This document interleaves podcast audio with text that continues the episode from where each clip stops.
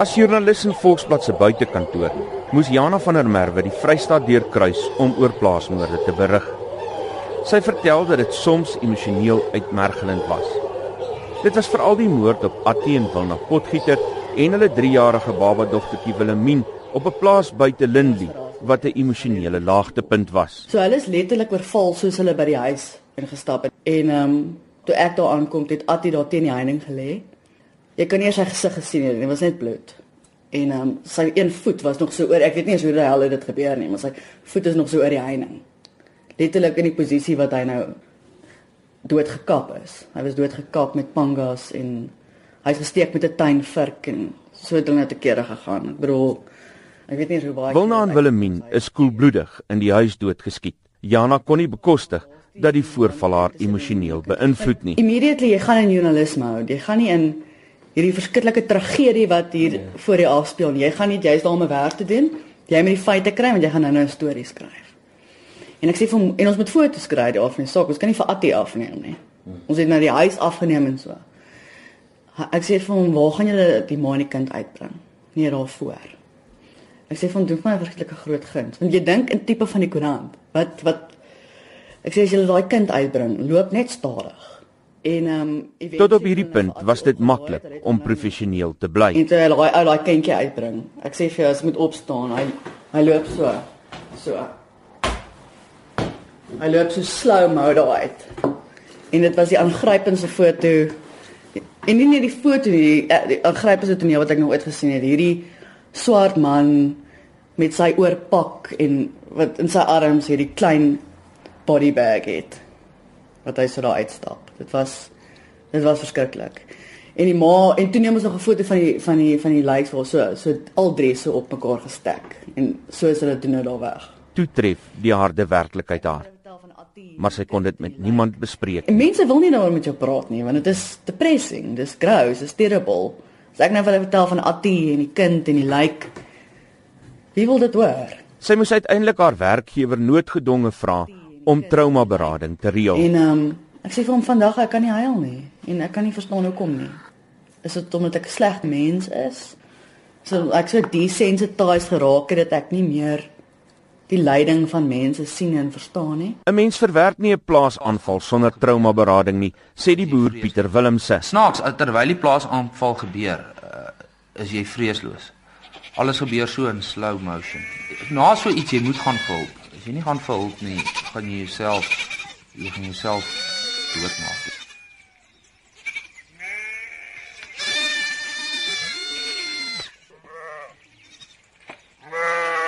Pieter boer saam met sy pa en broer tussen Ryds en Bethlehem. Hy het twee plaasaanvalle oorleef. Die eerste aanval was as matriekseun.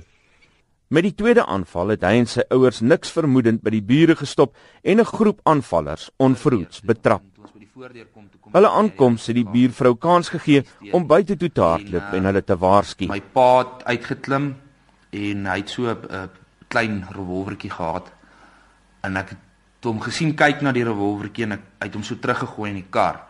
En uh, ek onthou toe ek het my pistool by my en ek gee toe vir hom my pistool terwyl ek besig is om die tannie in die kar te probeer kry. Toe ek omdraai, toe sien ek my pa mik en hy skiet 'n skoot af. En daar het een gestaan by die by die garage by die bakkie en hy het hom bitter naby raak geskiet. Die die pleister het so bo die sy kop weggespat en toe stoor die pistool. En ek loop toe na hom toe en sukkel toe met die pistool en hy is toe terug kar toe. En toe ek die pistool reg het ehm um, laat hy weer 'n patroon in die kamer het toe toe sê hy vir my ek moet inklim. En uh, ons het, ek het in die kar geklim en toe my pa die kar omdraai ehm um, toe reverse die oom se bakkie uit en toe brand hulle los op ons. Ek en my pa het in die huis ingegaan en ons het vir oom Bram in die gang gekry. Uh Dani het in die kombuise se deur gelê. Uh hy was in die maag geskiet en die oom was in sy linker skouer en so half hier onder by sy ribbekas links ook geskiet. Uh baie bloed. Dit was uh, hy het omtrent nie eens meer gebloei toe ons by hom gekom het nie. Die trauma was so groot dat hy nou nog sukkel om radionuus te luister of koerante te lees. Volgens Pieter het sy beradingssessies hom gehelp om perspektief te behou. Ek kan nie vir almal kwaad wees nie. Ek meen ek kan nie ek kan myself nie kry uh, om om te sê ek haat hulle nie. Uh, want daar's tog goeies. Ek meen ek het al van hulle gehad wat vir my gewerk het wat ek enige plek sal vat. Ek ek haat die die die crime, nie die die die mense nie. Dit maar hy meen tog dat daar iets sinister agter plaasaanvalle sit. Ek is te bang om dit te sê want ek het ek het 'n vermoede dit is georkestreer. Ehm uh, dit is dit word gedryf deur iets. Dit word dit word gedryf in 'n sin van dis hoe ons hulle van plase gaan afkry. Dis hoe ons die grond gaan kry.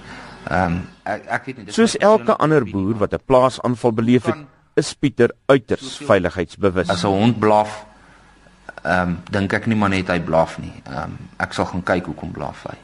As ek aankom by die huis en ek sien nie die honde nie, klim ek nie uit die kar uit nie. Jy sluit jou huis oop. Jy gaan in en jy sluit hom agter jou toe al is dit helder oordag. Dis maar 'n gevangenis wat jy in leef. Uh ehm uh, Pieter se veiligheidsreëlings is in skerp kontras met die van Pinaar Motlokua. Pinaar boer tussen Kestel en Harry Smit. Hy het die plaas by sy pa Jan geërf wat dit in 1982 gekoop het. Hoewel hulle bang is vir 'n aanval, het hulle geen veiligheidsstelsel nie, sê Pinaar se vrou namens hom. We are suffering. We are just trying because this farm it was used by our father. Ne? So we don't have enough money, but we are trying. But we are scared because we, we heard that many many dead because Volgens haar lê hulle geluk in die feit dat hulle nie baie besittings het nie. That expenses things will attract that people ne? because we don't have nothing i think that's why they don't come talle boere verklaar prontuit dat hulle nie die polisie vertrou ten opsigte van plaasaanvalle nie laksheid onbetroubaarheid ongedissiplineerde optrede en in sommige gevalle beweerde samewerking met misdadigers word as redes aangevoer Daarom organiseer boere hulself in veiligheidskomitees wat meestal deur die provinsiale landbouunies gekoördineer word. In die volgende bydrae verduidelik Johan Kriek en Meyring Marie van Ryds Landbouveiligheidskomitee hoe dit werk. Dominee Hannes Du Plessis van die NG Kerk Ryds vertel ook hoe die gemeenskap waarin hy werk plaasaanvalle ervaar. Ek is Isak Du Plessis in Johannesburg.